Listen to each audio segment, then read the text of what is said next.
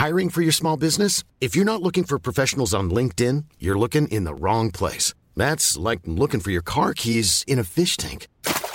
LinkedIn helps you hire professionals you can't find anywhere else, even those who aren't actively searching for a new job but might be open to the perfect role. In a given month, over 70% of LinkedIn users don't even visit other leading job sites. So start looking in the right place. With LinkedIn, you can hire professionals like a professional. Post your free job on linkedin.com slash people today. Since 2013, Bombas has donated over 100 million socks, underwear, and T-shirts to those facing homelessness. If we counted those on air, this ad would last over 1,157 days. But if we counted the time it takes to make a donation possible, it would take just a few clicks. Because every time you make a purchase, Bombas donates an item to someone who needs it. Go to bombas.com slash ACAST and use code ACAST for 20% off your first purchase. That's bombas.com slash ACAST, code ACAST. This Mother's Day, celebrate the extraordinary women in your life with a heartfelt gift from Blue Nile. Whether it's for your mom, a mother figure, or yourself as a mom, find that perfect piece to express your love and appreciation. Explore Blue Nile's exquisite pearls and mesmerizing gemstones that she's sure to love. Enjoy fast shipping options like guaranteed free shipping and returns. Make this Mother's Day unforgettable with a piece from Blue Nile. Right now, get up to 50% off at BlueNile.com. That's BlueNile.com. Du må bare ta sånne brune pinner hvis du har lyst. Colakaker sier jeg, men kona mi sier brune pinner. Julekaker. Er det med cola? Eh, nei, karamell. Ja. Ja. Hvor kommer cola inn? Jeg tipper det er svensk. Cola. Må jo først eh, takke for at jeg fikk komme hit, da. jo, vær så god. Det ser jo veldig, veldig trivelig ut her. Takk. Hvordan vil du beskrive huset deres og hva dere la til grunn for å finne et sted å bo i Askim? Vi, eh, vi hadde sett ganske lenge, eh, og så mye fint. Vi var med på et par eh, fall, Ja, vi var med på én budrunde òg. Ja, to budrunder. Det var mye vi så, men når dette huset dukket opp, så, så visste jeg liksom med en gang at dette er noe for oss. Og jeg tror det vi falt for, var at vi syntes det var et hus med mye sjel. Eh, Det er jo litt sånn abstrakt ord, da, men eh, det er et gammelt hus fra 1930-tallet. Eh, De har restaurert en del, men, men har på en måte beholdt mye fra den tiden. Og det er veldig landlig. Vi kom jo fra Oslo-gryta, og når vi først skulle flytte ut Det at vi kan se ut på trær, se ut på, på en hage med, Ja, det falt vi veldig for, altså. Ja. Det skjønner jeg. 30-tallet, det er jo da huset vårt også blei bygd, faktisk. Ja. Så vi sitter litt i samme situasjon, sånn sett. ja, det er morsomt. Men uh, mye av uh, ting har kanskje blitt fiksa, som du sier, allerede her. Sånn at det er ikke noe sånn store vedlikeholdsting på trappene. Nei, det er det ikke. Så de som, uh, de som bodde her før oss, de hadde gjort veldig mye, da. Det er jo vi glad for.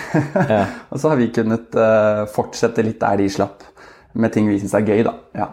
Og med to små barn så måtte dere kanskje revurdere småbruksdrømmen også, eller? ja, ja, vi tittet jo litt på det òg, da. Vi, var, vi er nok litt sånn drømmere begge to, både Merete og jeg. Så vi, eh, så vi sitter og ser på Det er det som er farlig da, med å være sånn som oss når man ser på hus og leiligheter. At man, eh, vi lever oss fort inn i det eh, og ser for oss hvordan det er å, være, å bo der. Det er klart at eh, Når vi først skulle flytte til Indre Østfold, det å liksom bo på et småbruk virket utrolig attraktivt. da. Og jeg elsker det å, å ha utsikt over jordene. og Det gir på en måte en helt, eh, en helt spesiell ro, syns jeg, da, som var attraktivt. Men, eh, men så skjønte vi at uh, det hadde vi ikke kapasitet til. Vi er ikke personer for det. Og nå har dere bodd her i to år, er det det? ja, halvannet. Halvannet år, Ja. Hva er det du visste om Askim og Indre Østfold før du tok med deg familien hit? Veldig lite. Altså nesten ingenting. Uh, vi hoppa rett i det uten å gjøre veldig mye research. Uh, vi, har, vi har noe slekt her, faktisk. Eh, men, eh, men eh, for familien min kommer fra Tøksfors. Eller slekten kommer fra Tøksfors. Mm. så noen derfra har bosatt seg i Askim. Hvor er det du kommer fra, da? Du, jeg kommer fra midt i Oslo-gryta. Jeg er vokst opp på Sankthanshaugen. Ja. Der ingen skulle tro at noen kunne bo. Jeg har jo hørt på en av dine gjester tidligere, og han sa det at det er ingen som kommer fra Oslo. vet du. Og da tenkte jeg jo, det er det. For jeg er vokst opp innenfor Ring 2, faktisk. Ja. eh, hvor folk tror det bare bor studenter. Men eh, i tredje etasje på en eh, bygård, eh, der er jeg vokst opp. Hva prega oppveksten din der, da? Midt i gryta?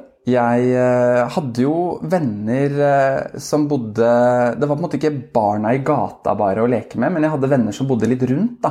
Eh, så det gjorde jo at jeg fikk venner i ulike bydeler. og Jeg tror nok at jeg ganske tidlig, i og med at ikke vi hadde den der hagen, da, som kanskje man, man har mer her, så tror jeg at vi ganske tidlig begynte med måte aktiviteter. eh, hvor jeg var med på ulike ting. Hva slags ting var det, da? Eh, Jeg sang i kor. eh, Guttekor. eh, Sølvguttene. Ja, Sjølveste Sølvguttene? Ja, så det, det, det tok absolutt litt tid. Eh, og så gikk jeg på langrenn, eh, tennis. Og så var vi ganske engasjert i kirken, da. Ikke bare på søndagene, men også ting som skjedde der utenfor. Mm. Hvilken kirke var din kirke da? Du, Jeg vokste ikke opp i Den norske kirke, som jeg nå jobber i. Jeg vokste opp i eh, det som den gang het Misjonsforbundet. Det fins en misjonskirke her i Askim òg, som folk sikkert har eh, sett eller vært i, i nærheten av toget.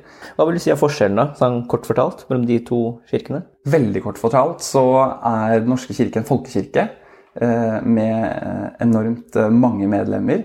Eh, frikirkene er gjerne mindre, og kanskje på en måte mindre og ofte litt tettere fellesskap. Og eh, med helt andre midler.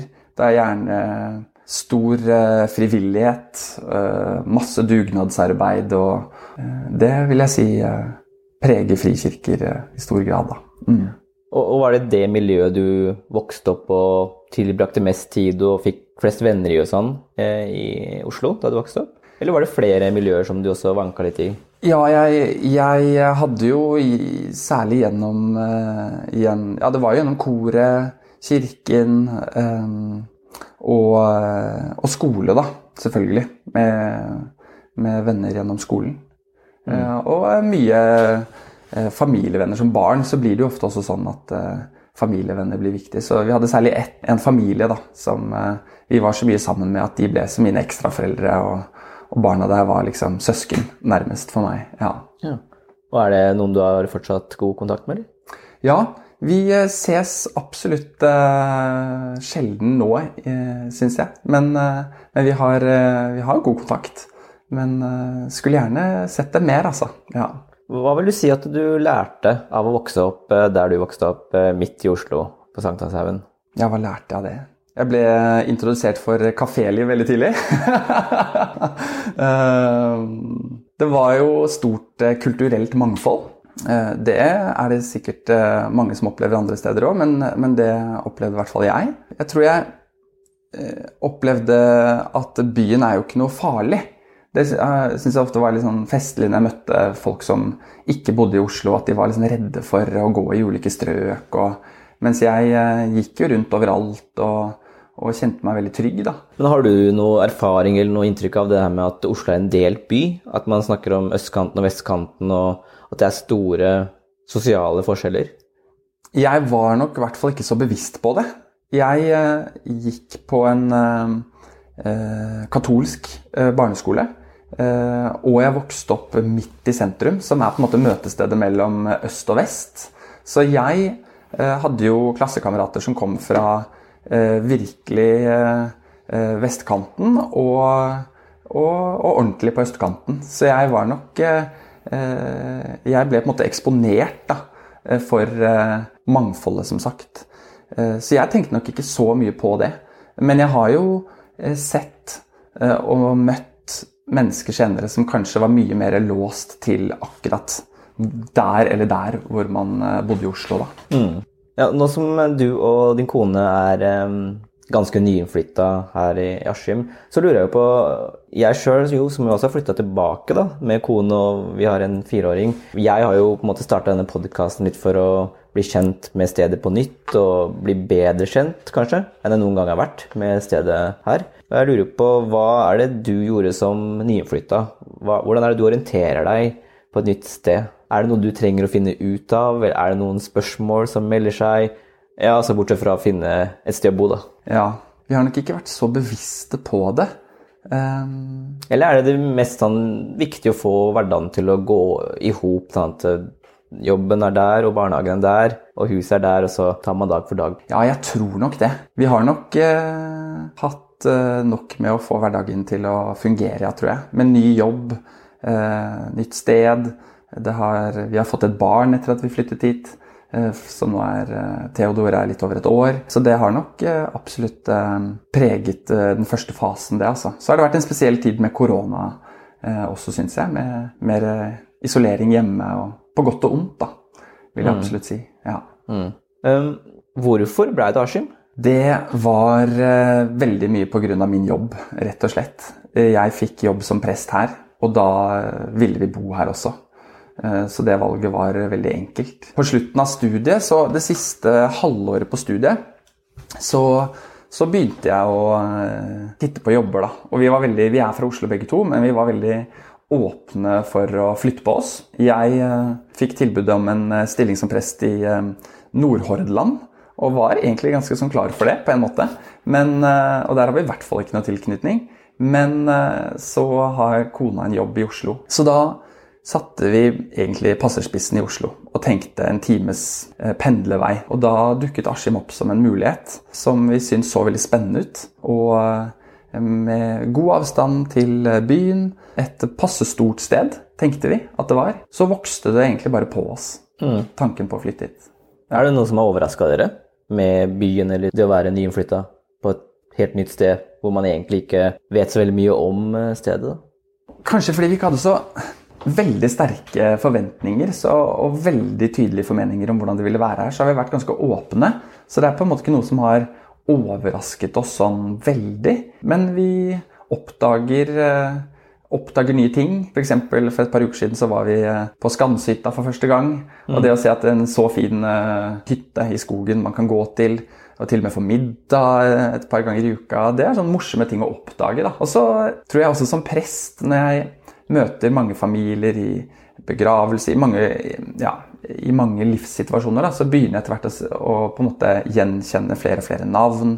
Skjønne at 'å ja, det er broren til den', og 'det er onkelen der'. Og så ser man det at oi, her er det, her er det mange eh, tette relasjoner da, mellom mennesker. Det er jo interessant å se mer og mer av. Blir du ofte stoppa på gata? Nei, jeg gjør ikke det. For lite, eller? Nei, det tror jeg ikke. Men, eh, men jo jeg, eh, jeg, ser jo stadig folk, da. Det gjør jeg jo, og hvor det blir å slå en prat eh, på butikken. Og, og, det var jo en av grunnene til at jeg ønsket å bo her hos en prest. Mm. Det var det å faktisk komme tett på de menneskene som jeg skal, skal møte, da. Og, og betjene gjennom jobben min. Eh, og det å, å, komme tettere på folk. Så, så jo da, jeg absolutt eh, eh, møter folk eh, flere steder, altså. Kan du ikke si litt om hvorfor du blei prest? Når var det du først innså at du skulle bli prest? Det var en lang prosess. Jeg er vokst opp i et uh, aktivt kristent hjem. Og troen har alltid vært viktig for meg. Og jeg har helt siden jeg var egentlig nesten barn og ungdom vært interessert i å utforske min egen tro, eh, lære mer. Jeg tror nok jeg på, sl ja, på, slutten av videregående, etter videregående, så, så hadde jeg et eh, ønske om å eh, på en eller annen måte tjene Gud da, med mitt liv. Og det kan jo se ut på veldig mange forskjellige måter. Eh, men jeg har alltid vært glad i kirken. Og var ute med og jobbet for et par misjonsorganisasjoner i starten av 20-årene. Og tenkte nok kanskje at jeg skulle bli misjonær, egentlig. Så jeg startet å studere teologi litt med tanke på det. Men kanskje aller mest fordi jeg syns teologi er et utrolig spennende fag. Elsker å, å grave i eh, de store spørsmålene og virkelig søke sannheten om, om virkeligheten. da. Men gjennom teologistudiet så så var det en prosess hvor det med å bli prest For jeg gikk jo på prestestudiet. Vokste mer og mer frem egentlig på en måte som en, som på en slags sånn dragning. At jeg kjente meg dratt mot det. Uh, Men altså, er det det man kaller for kall? Prestekallet? Ja, kanskje. Ja, jeg tror jeg vil si det. Ja. Du begynte med å si dragning, men det hørtes så mildt ut. Ja, men det, var, det, er kanskje fordi det er litt mildt òg. Fordi kall, da ser man for seg nesten eh, liksom, eh, himmelen åpner seg, og det kommer et lyn. Og, og, en sånn type opplevelse hadde jeg ikke, da. Eh, men en slags sånn Jeg tror jeg, jeg er enig at jeg kan bruke et ord som kald, men det jeg vil beskrive det som, det er en slags forsiktig dragning, men som, som ikke gir seg. da. En lengsel, på en måte, som vokser frem. da. Og det kjente jeg på. Men det var nok ikke før jeg faktisk liksom sendte søknaden eh, på jobben som prest, at det ble Det virkelig liksom tok spranget, da. Hoppet i det og, og valgte det. Ja. Hvorfor tror du det er sånn at eh, mange i dag har en opplevelse av at kristendommen er så streng og alvorlig og dømmende? Mm. Jeg tror nok kanskje at det er en type forkynnelse folk eh, har har møtt, som sitter veldig på en måte hardt i. Og hvor jeg er egentlig litt usikker på om det er så eh, på en måte mørkt å komme til en gudstjeneste i dag som folk tror. Men at den, den eh, på en måte tanken sitter ganske sterkt. Nei, jeg vet ikke. Har prestene forandra seg noe siste, i løpet av de siste tiåra? Er det noe vi ikke har fått med oss, vi som har den opplevelsen at det, det kan oppleves litt strengt og alvorlig? Du sjøl er jo en ung og, og sprudlende type. Som, som, på en måte bryter litt med kanskje ja, det typiske bildet av en gravalvorlig prest. Da. Du, ja, en ting jeg syns er litt uh, festlig, da, det er det at uh, det, det, er veldig vanlig at folk f.eks. skal ha en prest som skal forrette i uh, begravelsen til en av deres kjære i familien. Og så er de litt spent på kanskje hvem er nå denne presten. Og så er de veldig fornøyd. Og da spør de gjerne kirkekontoret kan vi få den samme presten en gang til. Mm. Og så eh, viser det seg at det ikke er mulig. Så får de en annen prest, og så sier de jøye meg, han var jo han var jo ålreit, han òg. Eller hun òg. Den personen nå var ålreit. Og det opplever vi ganske ofte, og det lever vi litt av noen ganger. For det sier kanskje noe om Iblant så tenker jeg hva er det folk forventer? Ehm, og jeg tror, eh, jeg tror i hvert fall at mange som er i møte med en prest, opplever at vi er ehm, ganske normale, omsorgsfulle. Prester er ofte ganske forsiktige mennesker som ehm, ønsker å, å møte mennesker på en god måte. Da. Er det noen andre oppfatninger eller misoppfatninger man kan ha om prester, som du kan avkrefte? det syns jeg er vanskelig å svare på, for jeg vet ikke hva misoppfatningene er. Så jeg får nesten lyst til å spørre tilbake eh, hva er egentlig oppfatningene? Fordi det sier i hvert fall sjelden folk til meg. Jeg, tror prest, jeg tror folk snakker en del om presten. Det må, det må jeg bare Etter eh, en begravelse eller i bryllupsfesten når man står og småprater, eller etter dåpen, så tror jeg fort det blir en liten evaluering av presten. Det må jeg på en måte erkjenne, men den, den får sjelden jeg, da. Så jeg jo, eh, vet jo ikke helt. Men er det noe du er forberedt på som prest? At det blir snakka om deg, og at du blir vurdert etter at du har vært og gjort jobben din? Ja, jeg, jeg tenker ikke så mye på det. Jeg gjør ikke det, men jeg, jeg er nok klar over det, at det skjer. Men jeg øh, forsøker å eller jeg ja, forsøker ikke, men jeg, jeg, tenker ikke veldig mye på det. Og går og er veldig bekymret for det. Det er jeg ikke.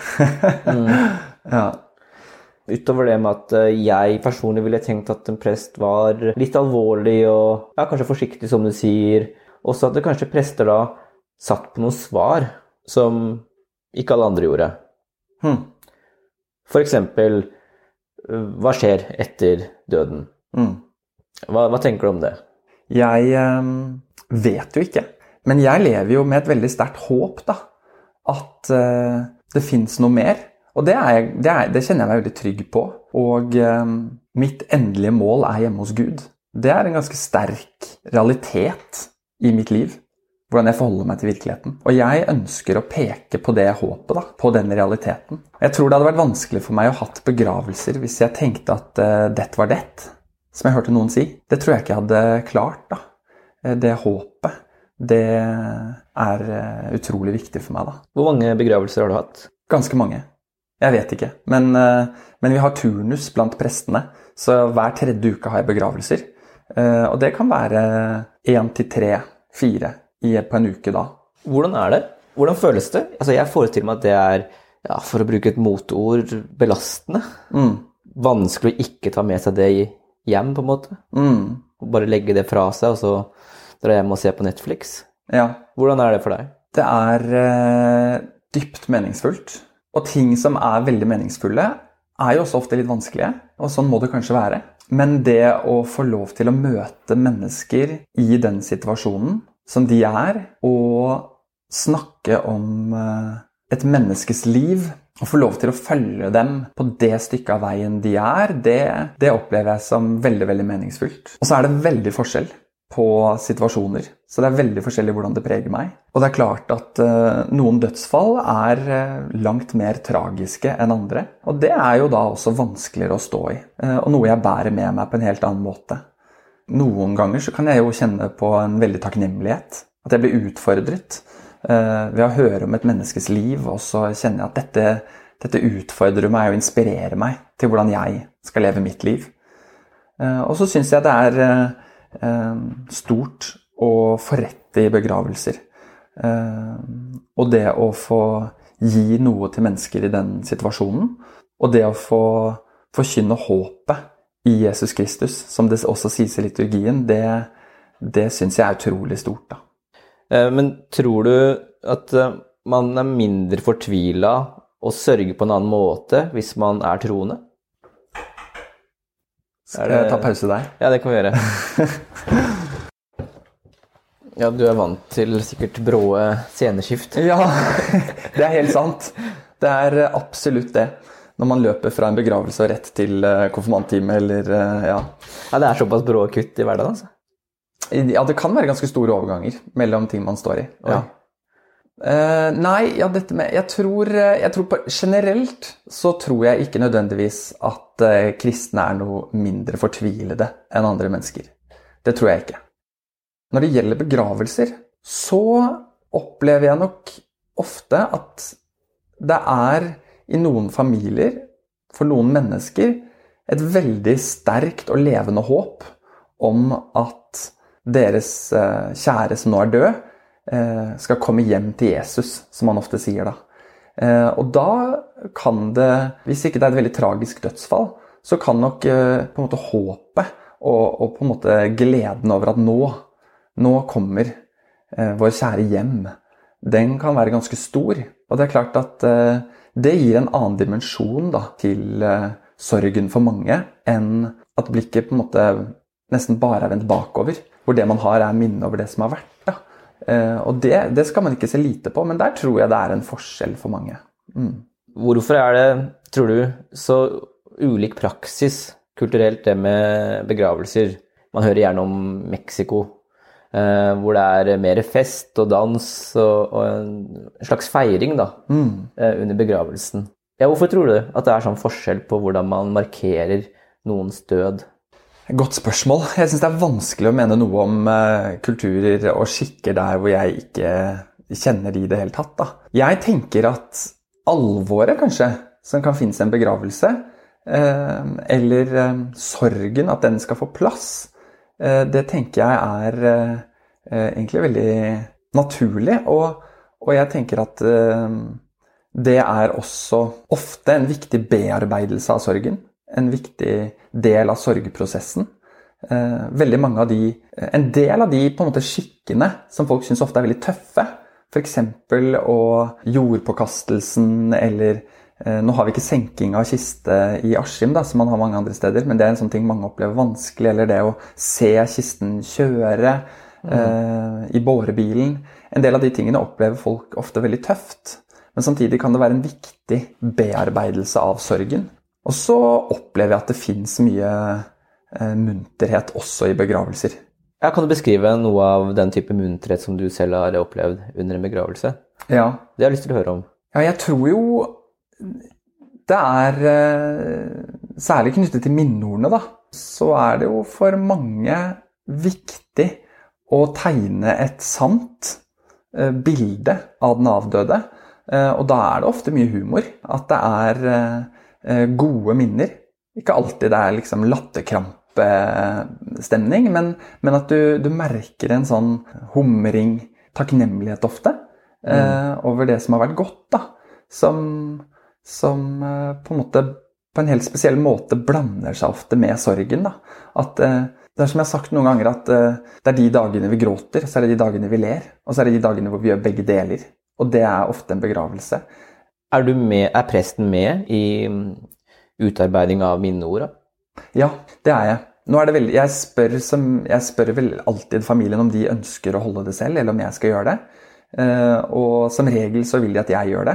Og da eh, har vi i sorgsamtalen eh, så, så er én del av den samtalen er jo å snakke om den avdøde. Og da tar jeg notater, da. Og så skriver jeg et minneord basert på det de forteller, da. Og da ønsker jeg jo å, å både gi måte litt biografi om personen, men også male ut hvem, hvem er dette mennesket. Hvor vanskelig er det å finne på en en sånn kjerne i en persons liv, og også klare å framstille den sanne personen som alle Mm. de pårørende kan være enige om? Det er nok vanskelig. Og det kan enkelte ganger være veldig sårt. Fordi man kan møte søsken som har helt forskjellige bilder av eh, hvem mor eller far var. Og det er ikke så uvanlig.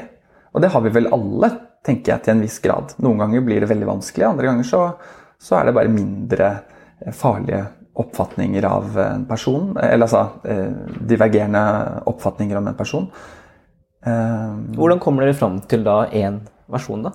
Jeg kjenner som regel ikke den avdøde. Og da er jeg prisgitt fortellingene familien gir. Og de vet jeg. Noen ganger så merker du veldig tydelig at her er det veldig samstemt. Andre ganger så merker du at det er litt forskjellige opplevelser hos de ulike. Og da, da sier jeg rett og slett det. At uh, Bare for å si et ord, da. Kari beskriver Per som, som dette og dette. Eller eh, barna opplever han sånn og sånn. Eh, og så, så er jo det noen ganger litt utfordrende eh, og litt vanskelig å vite at her kan det sitte et annet familiemedlem som opplever at dette er jo ikke sant. Eh, men derfor så prøver jeg å bruke litt tid på hvilke formuleringer jeg bruker, da. Eh, Ja, fordi det må vel være en vanskelig avveining, for det kan jo ikke være for generelt og vagt heller. mm. Eh, For å gardere deg. Du, vil jo, du, du, du ønsker jo gjerne å være så presis som mulig også i beskrivelsene og Ja. personkarakteristikken. Absolutt. Og, eh, og en måte som, som hjelper meg litt, da, og som gir meg litt trygghet, det er at jeg eh, alltid eh, sier at de kan få lese gjennom det jeg har skrevet på forhånd. For det kan jo hende at jeg rett og slett eh, misforstår det, det som de forteller. da. Og hvor de kjenner når de, ser, eh, når de ser ordene skrevet, så kjennes det kanskje ikke helt riktig. Der gjør prester veldig forskjellig, men jeg gjør det, da. Det Høres nesten ut som å skrive en liten roman. det der. Ja, ja det er jo, eh, det er jo en eh, Hvor alle skal være med å redigere litt. Ja, det kan på du si. ikke Du får på en måte kanskje ikke alltid det siste ordet, men du må ta hensyn til flere som eh, skal være med og være redaktører eh, på boka di. Ja, det kan du si. Men jeg, men jeg opplever som regel eh, at det går veldig greit. Er det sånn at du også er med på dåp i Askim kirke? Ja. Ja. Så da har du også nyfødte, du har konfirmanter, du vigsler òg, Ja. og da er med på begravelser. Mm. Så du er med da Askimingens eh, alle livsfaser. Ja. Er det. Hva slags bilde har du fått av Askim gjennom eh, disse møtene dine? Jeg vet ikke om jeg kan si altfor mye om på en måte Askim konkret, men en ting som, har, eh, som jeg har tenkt på om mennesker, og det tror jeg gjelder om det er fra Oslo eller Askim eller Alta, så er det at uh, vi er ikke så forskjellige, vi mennesker. Grunnleggende sett. Og vi uh, forsøker å leve meningsfulle liv. Forsøker å ha gode relasjoner. Iblant får vi det til, og iblant er det veldig vanskelig. Uh, vi forsøker å finne vår vei i livet, og eh, iblant er det trøblete. Eh, og det er kanskje en ting jeg eh, Og det handler ikke om Askim, men generelt det å møte mennesker i ulike livssituasjoner, så, så er jeg på en måte ydmyk for at de fleste har en historie. Det er mer i et menneskes liv enn det vi kanskje viser frem på butikken. Har du vært borti noen som har levd et uh, urovekkende, fredelig og bekymringsløst uh, og konfliktfritt liv? Hvor du har tenkt at dette her kan nesten ikke være sant? Jeg tror ikke Jeg vil ikke si at jeg har opplevd noen hvor, jeg, hvor jeg tenker at her er det et urovekkende konfliktfritt uh, og idyllisk liv. Men uh, jeg, jeg opplever, kan nok oppleve at iblant så, så, opplever man at her ligger det noen ting i rommet som ikke sies, og som, uh, som man helst Det er jo i mange liv noen ting som er rett og slett vanskelig å snakke om. Og, og jeg tror det er veldig naturlig familien til den avdøde ønsker at det skal, skal, tegnes et godt bilde av den avdøde. Eh, og iblant så er det da noen ting som, som rett og slett er vanskelig å snakke om, som kanskje har vært en stor del eh, av en familie, men som helst eh, Eller som, som er vanskelig å sette ord på. Der må jeg trå litt varsomt. Jeg tenker at det er best å bare tråkke forbi det, da? Ikke nødvendigvis. Jeg tror at det kan være vondt hvis det er noen ting eh, som er et eh, sår i en relasjon eller i en familie. Noe som, som ikke bare har vært enkelt. Og hvis det overhodet ikke adresseres, så kan det være ganske vondt for enkelte som sitter der. Eh, men jeg tror heller ikke begravelsen er stedet for de store familieoppgjør. Eh, og her skal vi virkelig liksom brette ut ting. Men eh, iblant så så jobber vi med å finne en, en formulering som kan sette ord på også eh, vonde erfaringer i menneskelivet, uten at vi behøver å gå så langt inn på det. Og da er det ofte sånn at de som vet, de vet. Mm. Og da kan det være godt at det adresseres uten at man behøver å utbrodere. Ja. Eh, og jeg tenker at det er ikke min oppgave å, å liksom komme og skulle grave frem eh, ting jeg, jeg, vil forholde meg til den historien som fortelles, men det er, det er, det er viktig at det oppleves sannferdig da, for de som er der. Mm. Ja. Som eh, ganske nyutdanna prest og ja, nyinnflytta til en småby som Askim, hva syns du er det mest utfordrende med det å være prest? Jeg tror en del prester kan kjenne på at uh, det, uh, at jeg kan tenke litt på barna mine. Uh, nå har ikke jeg vært prestebarn selv, men det er jo forskjellige opplevelser prestebarn har av å være prestebarn. Og det er en ting jeg kan tenke litt på, særlig på et mindre sted. Noen ganger tenker jeg at det hadde kanskje vært lettere for mine barn om jeg hadde vært prest i Oslo, hvor ikke det var så synlig at 'Å ja, du er sønnen til presten', eller datteren til presten. Så det kan jeg tenke litt på, men, eh, men jeg vet jo ikke om det er utfordrende for dem, for der hører man veldig forskjellige historier. Ja, hva slags historier har du hørt, da? Nei, alt fra at det har vært uproblematisk, til at det uh, har uh, ført til uh, mobbing og vanskeligheter for barn. Da, å være prestebarn, på en måte. Så, så, det er jo som en forelder så, jo, så ønsker man jo sine barn at de skal ha det godt. Og ofte lett, på en måte. Og nå er det veldig stas da, å se at min sønn er veldig stolt av at jeg er prest. og og sånn håper jeg det vil forbli òg, da. Ja. vil du inspirere han til å bli prest, tror du? Eh, nei. Det er ikke et mål for meg at han skal bli prest. Men uh, det er kanskje naturlig for oss mennesker. Men når han uh, liksom sier noe at han, når han leker at han er prest eller noe, så, så syns jeg det er gøy. ja, han leker at han er prest? Altså. Eller altså, ikke leker, men hvis han han sier at han vil bli prest, eller Selv om nå er det fotograf han har lyst til å bli, da, så, så tror jeg at jeg skal være forsiktig med å pushe han i den retningen. Hva drømte du om å bli da du var liten? Og jeg drømte om veldig mye forskjellig, da. Eh, men jeg drømte om eh, å bli eh, forfatter, husker jeg. Journalist en periode. Skuespiller. Advokat. Og så hadde jeg en lang periode hvor jeg det var i ungdommen. Da, var jeg veldig, da ønsket jeg veldig å jobbe med, med bistand. Jeg eh, husker jeg sendte mail da jeg gikk på ungdomsskolen til utviklingsministeren på den tiden. Hilde Frafjord Jonsson og spurte om råd. Hva skal jeg ta for valg for å kunne jobbe med det? liksom. Eh, så det er klart at det, det var noe der. Men jeg, eh, jeg, er nok en person som Jeg er nok en ganske sånn lidenskapelig person. Som lett lar meg engasjere. Men gjennomgående så ser jeg at Eh, det har vært mye som eh, kretser rundt kreativitet, formidling. Ja, mm. det er det nok. Er det en fordel å være kreativ som prest? Ja, det vil jeg si. Mm.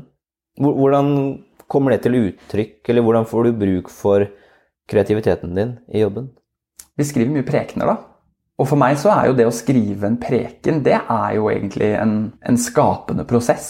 Eh, jeg starter med kaos av tanker, av ord, eh, av eh, intuisjoner, ideer. Og så skal jeg prøve å organisere det og skape noe ut av det. Skape en slags orden i det, hvor det kan bli til noe som er meningsfylt.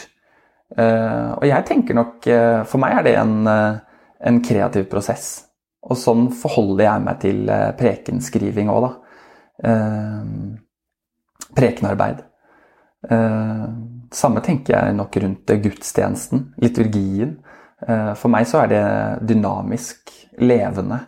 Uten å redusere det, så vil jeg si det er et stort drama. Det er ingen forestilling på en måte med betraktere og jeg gjør noe. Det er ikke en performance på den måten, men det, men det er allikevel et, eh, et, drama vi trer inn i som et fellesskap da, i gudstjenesten og liturgien. Og det syns jeg jo er veldig, veldig, veldig kreativt. Mm. Um, og så er det klart eh, at vi står i mange situasjoner. Det er ungdomsarbeid, og det er konfirmanter, og jeg skal ha leker, og jeg skal skape um, Ha det litt gøy med ungdommene. Uh, hvor jeg får brukt kreativitet på en helt annen måte. Eller barnehagegudstjenester som vi hadde nå, hvor jeg eh, skulle ha preken, hvor jeg eh, spilte ut alle rollene og, og fikk virkelig liksom eh, nærmest hatt barneteater. Så jeg, så, og det er gøy. Da koser jeg meg. Ja. ja. For du har en del erfaring fra teater og scenekunst, har du ikke? Ja, noe. Jeg, har, jeg gjorde det en del i ungdommen. Og så tok jeg Etter å ha studert teologi i ett år, så startet jeg på en utdanning innenfor musikkteater på Bordar Akademi i Oslo. Jeg tenkte egentlig bare å gå ett år, og jeg ville ikke satse. Drømmen var liksom ikke en musikalartist. Men eh, jeg kjente et veldig behov for å få utløp for en del av min kreativitet. Og ønsket å få utfolde meg og få utvikle meg, da. Eh, både innenfor teater og sang. Mm. Eh, drama. Så jeg tenkte å gå bare ett år. Og sa egentlig det når jeg startet òg. På intervjuet så husker jeg sa det at nei, jeg skal studere teologi, men ønsker å gå ett år, da. Og så ble det to, da. For jeg hadde det veldig gøy. Men Kan du se noen forbindelse der? Noen kobling mellom musikkteater og det å være prest? Ja. Som sagt så, så er det kreativt. Jobbe med formidling. Så det vil jeg absolutt si. Historiefortelling. Og så syns jeg jo iblant eh, det å stå på scenen, det er et eller annet Eller det å se på teater, da, som jeg er veldig glad i. Så, så er det den der opplevelsen av at uh, tiden står litt stille. Eh, du dras inn i noe hvor du, hvor du, opplever virkeligheten Virkeligheten blir plutselig litt større. Det er noe jeg opplever med kunsten. da. Noe, noe, du er kunstner, så du, så er, men, men, jeg opplever jo i hvert fall at noe av det store og viktige med kunsten er at det gjør virkeligheten større for oss. Og det tenker jeg jo er uh, virkelig det en gudstjeneste handler om òg. At uh, vi um, forholder oss til virkeligheten. Mm. Eh, og den blir eh, større for oss. Men allikevel så er det noen helt andre ting. da. I gudstjenesten forholder vi oss til det eh, til hellige tekster, f.eks. Til liturgien, som, som allikevel er noe annet enn teater, men at det er forbindelseslinjer der. Mm. Det ser jeg absolutt. Så du tenker ikke på kunst, teater og gudstjenesten også da, som en sånn virkelighetsflukt, men mer som en sånn inngang inn til en enda nærmere og mer nyansert opplevelse av virkeligheten. Ja. Jeg tror det kan bli virkelighetsflukt. Og det Nå snakker jeg litt uh, ubeskyttet der, da, uten at det, men, men, det tenker jeg er dårlig Eller det kan bli virkelighetsflukt. Det kan religion også bli. Eh, det kan kunsten også bli. Men jeg tenker uh, dens viktigste oppgave det er å hjelpe oss til å trenge dypere inn i virkeligheten. Det vil jeg absolutt si. Hvis jeg tolker deg rett, da, så er det sånn at du meskla ikke i krimbøker og det nyeste på Netflix og all slags den kjappe moroa. Det er ikke det jeg lengter etter. Men det kan være det jeg eh, havner, havner med litt oftere enn jeg ønsker. Ja, ok. Mm. Hva er det det går i for tida? Har du noen uh, siste diller? Ja, Siste vi så, var The Undoing på HBO, Merete og jeg. Med Nicole Kidman og og Hugh Grant. Eh, eh, veldig spennende krim. Ja. så det er ikke noe musikalaktig, altså? Det hørtes nesten ut som en duo som kunne både sunget og danset. Ja, nei, det var ikke musikal. Det var, den anbefales veldig. Det var uh, Det var en krim hvor du følger eh, en familie hvor Kanskje dette er spoiler alert, da, men, men, du følger på en måte de som er anklaget for å ha begått en alvorlig forbrytelse, eh, og hva det skjer med relasjonene dem imellom. Eh, hvor eh, ektemannen i forholdet er anklaget for en forbrytelse, og så følger du dem gjennom prosessen. Eh, og det er ekstremt spennende. ja. Men Tenker du på det som en sånn avkobling, eller? Ja. Mm. Som du tenker også er veldig riktig og nødvendig for deg for å kunne gjøre det du skal gjøre på jobb neste dag? Um, ja, men det er eh, Det er jo eh, Det er noen ganger hvor jeg eh, Jeg kjenner veldig at jeg kan tenke at jeg trenger en del avkobling som jeg kan fylle meg med. Og så kjenner jeg meg etterpå absolutt ikke fylt opp av den grunn. Og da tenker jeg det er en dårlig adspredelse, da, for å gjenbruke et kirkegårdsk uttrykk. Ja. Eh, og hvor det jeg egentlig hadde trengt, var en eh, god samtale med Merete. Eller å lese en bok som, eh, som virkelig inspirerer, da. Så jeg tenker at eh, eh, det kan være veldig både òg, da. ja, for kona di er også teolog. Ja. Hvordan har det seg? Hvordan møttes dere?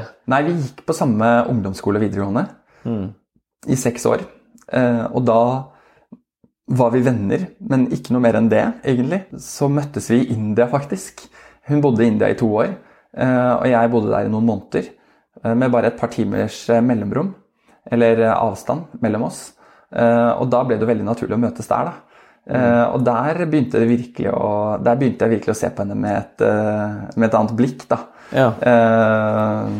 Og så tenkte jeg at ja, kanskje det er fordi her er vi bare to fra Oslo, og selvfølgelig liksom, skjer det noe her mellom oss. Men, men, så fortsatte vi å møtes hjemme, da. Og det skal sies at vi studerte teologi begge to. og det har jo absolutt vært en Det høres kanskje veldig nerdete ut, men det er absolutt en felles interesse. da, hvor vi virkelig koser oss med å, å diskutere og samtale om, eh, om teologi. Da. Eh, og, og, om tro generelt. Da. Mm. Var det skjebnen? Eh, jeg tror Nei, jeg, jeg, kjente veldig på at her sto jeg fri til å ta valg. Men jeg kjente allikevel at vi, var, vi hadde en lang prosess før vi bestemte oss for å gifte oss, da. Og før vi ble kjærester for så vidt. Og det kjentes veldig riktig. Det kan jeg si. Det kjentes veldig riktig. Ja. Men det med å, å kjenne etter prestekallet, da. Mm. Var det da et punkt du ikke kjente noe valg? Godt spørsmål. Uh, jo, jeg kjente absolutt et valg. Det var uh, en, uh, en opplevelse av at uh, etter hvert som veien går, så er det hit veien fører meg. Og det, det, det, må jeg velge å overgi meg til. Og det er mitt valg, men jeg velger å overgi meg til det. Mm. Uh, og der var ordinasjonen min veldig viktig, en stor opplevelse hvor jeg, uh, hvor jeg uh, valgte å si ja til at ok, dette tror jeg er mitt liv. Og det sier jeg ja til, uten å helt vite hva det ja kanskje innebærer. Og sånn var det å gifte meg òg. Ja. ja. At det er, dette, det er dette som skal være mitt liv. Um, har du opplevd at folk kommer bortom til deg med bekymringer eller spørsmål om ja, både stort og smått? Om ja, alt fra meningen med livet til eh, personlig sorg. Er det sånne ting folk kan komme bort til deg med? Det er folk som har tatt kontakt. Det er det. Eh, men eh, det har kanskje noe med settingen å gjøre. At det er ikke så veldig mange som begynner å åpne opp om vanskelige ting i kassa på Rema. på en måte. Men, men, det er folk som har tatt kontakt og sendt en melding. Og kanskje i forbindelse med at de har sett meg, da. For mm. At jeg så deg, og så tenkte jeg på ja, okay. det hadde vært fint å ta en prat om dette, f.eks. Uh, og, og hva, hva, slags ting er det, hva slags henvendelser kan det være? Det kan være i forbindelse med sorg. Eller det kan være noen eh, utfordringer man står i. Det kan være eh, sykdom, kanskje. Uh, ja, det er Eller mindre trivielle ting, da, som det bare er godt å prate om. Jeg tror vi som prester har en viktig funksjon også for folk som en person å prate med som er der for å lytte, og ikke for å stille en diagnose. Og det har jeg fått større og større frimodighet på. At Det er, eh, ja, det er viktig for folk. Det å kunne ha en person å snakke med som ikke nødvendigvis er eh, en terapeut, men at eh, man trenger et måte frirom for å kunne, for å kunne snakke da, om det som rører seg. Ja, det er Interessant at du sier det, fordi jeg tenker jo at mange av de behovene og spørsmålene som du nevnte der, det er jo ting som mange før i tida kanskje søkte svar på i troen eller i menigheten, mm. mens i dag så har man så mange andre muligheter, mm. så mange andre tjenester, så mange andre aktører som kan tilby en eller annen form for coaching, veiledning, terapi, mm. løsning da, på disse menneskelige behovene og problemene. Ja. Har du en opplevelse av det? At eh, presten eller kirken har tapt litt terreng for andre på, det, på akkurat det punktet? Ja, det tror jeg. Man sier jo det at psykologene er de nye prestene. Litt sånn uh, tøyste. Uh, men, jeg, men, jeg, har også blitt overrasket over hvilken betydning det har for mange å faktisk snakke med presten. Og det tror jeg handler delvis, som jeg sa, om at vi ikke er der som en terapeut som nødvendigvis skal fikse noe, men en person hvor man kan få utforske det man står oppi, og kan, kan finne et rom for å snakke om det man står i. Så tror jeg det er flere som erfarer at den eh, dimensjonen med Gud, uavhengig om det er en veldig sterk tro, eller, om, eller, om, det er en veldig svak fornemmelse av at det fins noe mer, så er det noe man fort knytter til presten. Da. hvor det kanskje er tryggere å, å utforske hos en prest. Men Tenker du at det har blitt for lettvint i dag å skulle kjøpe seg en tjeneste som lindring på problemer. Hvis du da heller, om ikke drar til presten, så ja, plukker opp en gammel, støvete bok eller grubler, snakker med noen. Har det blitt for lett å skulle søke seg hjelp hos profesjonelle lindrere? Godt spørsmål. Som du sa, det som man flåsete sier, at psykologene er de nye prestene. Mm. Er de det? Ja, jeg, jeg, er veldig interessert i psykologi, da, det må jeg si. Så jeg har en søster som er psykolog. Eh, og vi syns det er veldig morsomt å prate sammen. Og jeg, jeg er veldig sånn som uh, eh, syns det er veldig spennende å diskutere med henne uh, eller med andre psykologer. Og vil gjerne lære mer, for jeg syns det er et veldig spennende fag.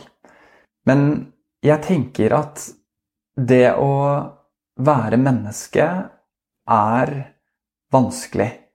Uh, og at vi ikke bare trenger Det er noen ting vi kan stå i som ikke bare trenger å lindres på en måte kognitivt, men som i hvert fall min oppfatning av eh, moderne psykologi er jo ofte at eh, man setter eh, diagnoser eller og som, som, er viktig, og det trenger vi, men jeg tror det er veldig mange mennesker som, hvor ikke alt faller inn under en diagnose, men hvor det fins et mørke i livet. det fins Eh, skygger som ikke bare skal på en måte lindres, men som vi aldri helt kommer bort fra. For nå høres det ut som du er tilbake i eksistensialismen igjen, til Kirkegård. Ja, jeg er nok det. Ja. Og han sa jo også det at uh, han hadde et mål, uh, og det var å gjøre livet vanskeligere for folk, ikke lettere. Uh, og iblant så kan jeg tenke at det er nok lykkeprofeter som ønsker å gjøre livet lett for folk, og si 'ikke bekymre deg', når det er gode grunner til at folk ligger våkne oppe om natta og hvor eh, ikke nødvendigvis løsningen er bare å prøve å eh, og Nå sier jeg ikke at dette er psykologen, men i en litt sånn psykologisk, terapeutisk kultur hvor, hvor vi ønsker på en måte gjerne å, å, fjerne oss fra det som er vanskelig, da, så tenker jeg at det ikke bare er sunt. Ja. Jeg antar at du har venner som er ateister, eller i hvert fall bekjente? Ja. Hva er typiske spørsmål fra dem, da? Det spørs litt hva slags type ateist, hadde jeg sagt. Men, men, det går jo ofte på eh, Eller jeg kan oppleve at folk er interessert i forholdet mellom eh, naturvitenskap og religion, f.eks. Eh, ja, det vil jeg si er ganske standard. Eh, der hvor man ser eh, et brudd da, mellom f.eks. For Bibelens eh, fortellinger og naturvitenskapen, hva den forteller oss. Ja, hva er standardsvaret ditt, da, hvis noen eh, pirker borti de tingene der? Ja, Det er det at uh, Bibelen er ingen naturvitenskapsbok. Men uh, jeg tror uh, allikevel Apropos det å trenge dypere inn i virkeligheten, så tror jeg at tekstene, de hellige tekstene hjelper oss å forstå virkeligheten dypere, men ikke fordi de kan forklare alt hvordan ting har skjedd i historien, naturvitenskapelig f.eks. Mm. Den eh, norske kirke har mista 200 000 medlemmer de siste 15 åra, har jeg lest på SSB. Hva tror du skyldes at det er sånn nedgang i de tallene som gjelder ja, bruk av kirken? At det også er færre som døpes, og færre som konfirmeres i kirken også? Godt spørsmål. Er det noe liksom, ja, du som teolog og kona di som teolog tenker på eller diskuterer, eller er det noe dere drøfter på studiene? Er det noe du snakker med kolleger om? Er det en sånn slags krise? Er, det sånn man betegner det? Jeg tenker ikke at det er en krise. Jeg tenker at det er en sannhet med modifikasjoner. For det fins ulike grunner til at man kan se noen statistikker gå nedover. Det er et mye større religiøst mangfold, f.eks. hvis man ser på landsbasis i dag enn for en del år tilbake. Og det tenker jeg er f.eks. For en forklaring. Men så tenker jeg at uh, sekulariseringen har uh, gått uh, lenger, da. Hvor Eller bare veldig enkelt sagt på en måte hvem hvem trenger Gud når man har Netflix? Men ser du for deg en måte det kan snu på, den utviklinga? Jeg har ikke noe enkelt svar der heller. Og jeg tror ikke nødvendigvis det er å si at kirken må bare modernisere seg og bli hippere og kulere, for da strømmer folk til, selv om det fins de som tenker det. Eh, så tror jeg ikke nødvendigvis det er det som er svaret heller, da.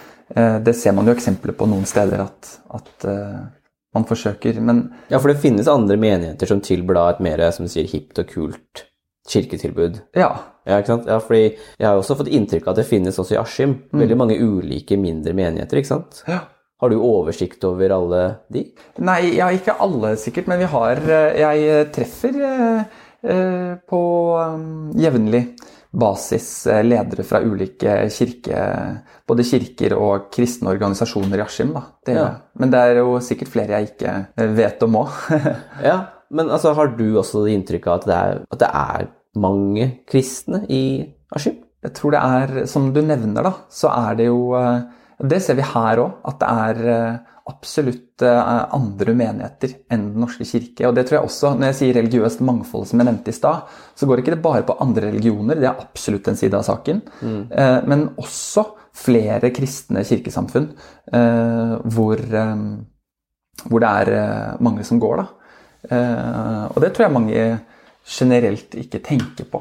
Mm. At det fins ganske mange flere kristne enn det man ser i en høymesse i Den norske kirke søndag klokken 11. Så det, det gjør det nok. Mm. Hvis du kort kan forklare hva er det som kjennetegner Den norske kirke sammenlignet med noen av de andre mindre menighetene i Askim? Hva er det som karakteriserer din kirke, som gjør den ulik ja, f.eks. Philadelphia eller eh, Misjonskirken eller eh, mm. Frelsesarmeen, mm. Jehovas vitner og Mariakirken, som er den katolske mm. kirken? Den norske kirke er, er jo en Eh, luthersk kirke, så her er det dogmatiske eh, forskjeller. Eh, uten at jeg skal gå liksom altfor langt inn i det nå. Men eh, hvis du kommer, så tror jeg nok at det merkes at vi er jo en Vi har jo en liturgisk gudstjeneste eh, som flere av frikirkene ikke har. Mariakirken har jo det, da, men vi har jo en liturgi. vi følger kirkeåret med dens tekster. og så har vi en uh, veldig sammensatt uh, gruppe som kommer til gudstjeneste. Fra traverne som kommer hver eneste søndag til gudstjeneste, og som er engasjert i kristent arbeid på si, til uh, dåpsfamilier eller andre som ikke går ofte i kirken, men som allikevel opplever at kirken er viktig for dem, selv om ikke de er der hver eneste søndag.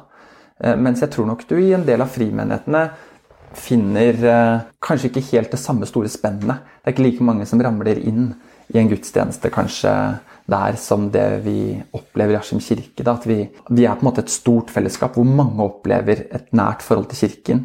Eh, selv om de kanskje ikke går der hver eneste søndag. Og nettopp det at eh, det er så mange mennesker i Askim som kommer i berøring med kirken gjennom dåp og begravelser og vielser. Og det preger nok også meg som prest. Det å være i berøring med så mange mennesker da, som jeg er. Mm. Dere har jo bodd her eh, i Aspelundveien i er det et halvannet år. Mm. Og jeg fikk jo så vidt hilst på yngste sønnen din, Theodor, i stad. Ja. Før han tok seg en tur ut. eh, akkurat lært seg å gå. Mm. Hva er det som er viktig for deg å lære bort som forelder? Jeg tror det viktigste for meg er at de skal bli trygge. Veldig opptatt av særlig den fasen de er nå. At de skal eh, Ja, at de blir trygge gutter. Og at de er eh, elsket. Så det, det sier vi mye til dem. Og eh, at vi De hører mye at vi er glad i dem. Jeg sier ofte til Johannes Johannes, hva tror du jeg skal si til deg? At du er så glad i meg, sier han da. så, så det er klart at det er viktig for oss. Og det viktigste. Og at de skal få høre at de er elsket av Gud. da. Det er, skal jeg ikke legge skjul på at det syns jeg er veldig veldig viktig. Det har jeg også fått erfare og alltid kjent meg trygg på. Og så um, tror jeg nok at uh, det er viktig for meg at de skal behandle andre godt. At de skal være, de skal være gode mot barna i barnehagen, etter hvert på skolen. det er nok en stor verdi for meg.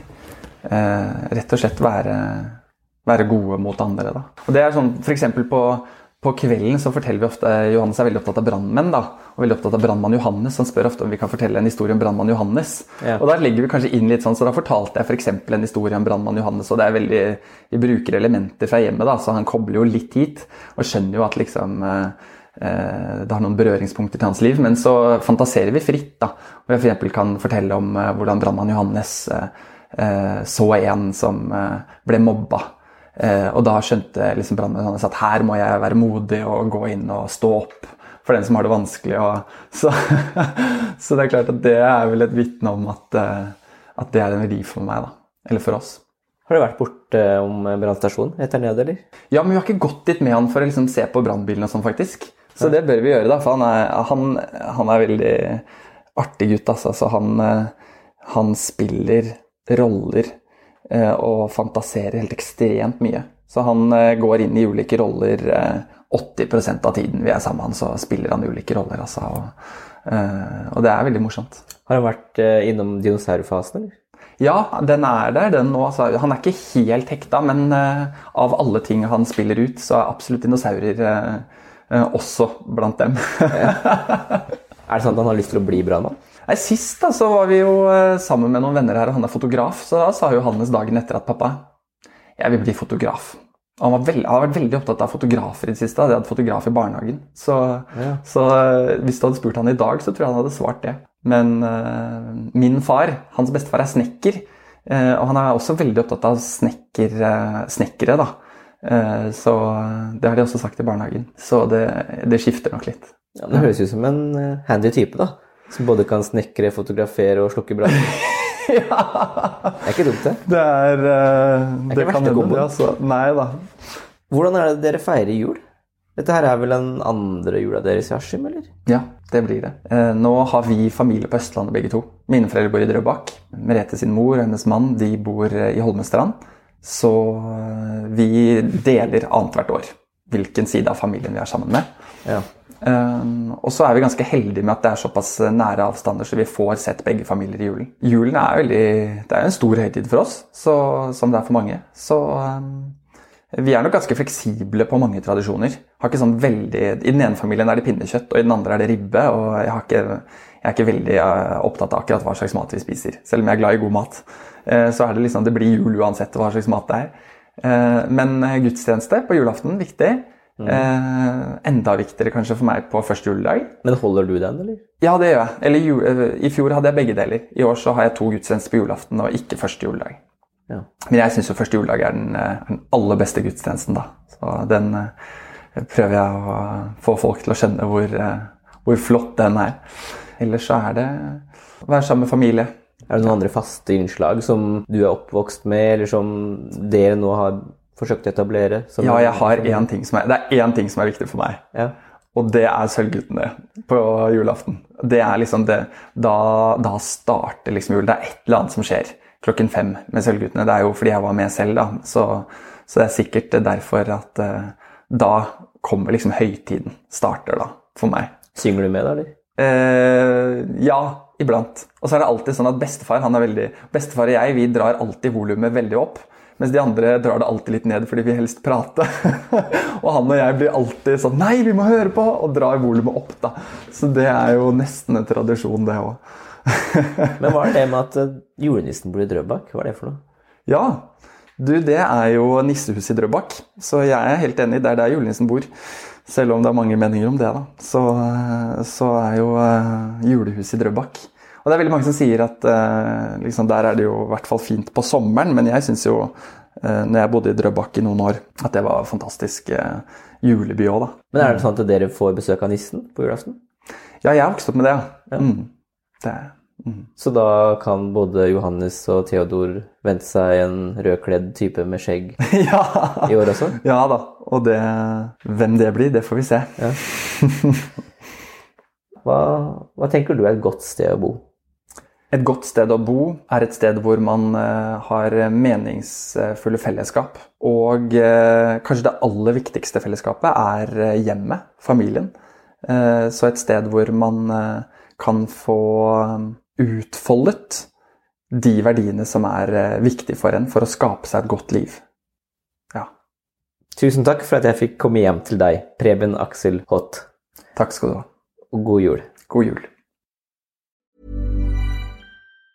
Want flexibility? Take yoga. Want flexibility with your health insurance? Check out United Healthcare Insurance Plans. Underwritten by Golden Rule Insurance Company, they offer flexible, budget friendly medical, dental, and vision coverage that may be right for you. More at uh1.com. Hi, I'm Daniel, founder of Pretty Litter. Did you know cats tend to hide symptoms of sickness and pain? I learned this the hard way after losing my cat, Gingy. So I created Pretty Litter, a health monitoring litter that helps detect early signs of illness by changing colors, saving you money and potentially your cat's life. Pretty Litter is veterinarian developed, and it's the easiest way to keep tabs on your fur baby's health right at home. Go to prettylitter.com and use code ACAST for 20% off your first order and a free cat toy. Terms and conditions apply. See site for details. Hey, it's Paige DeSorbo from Giggly Squad. High quality fashion without the price tag? Say hello to Quince.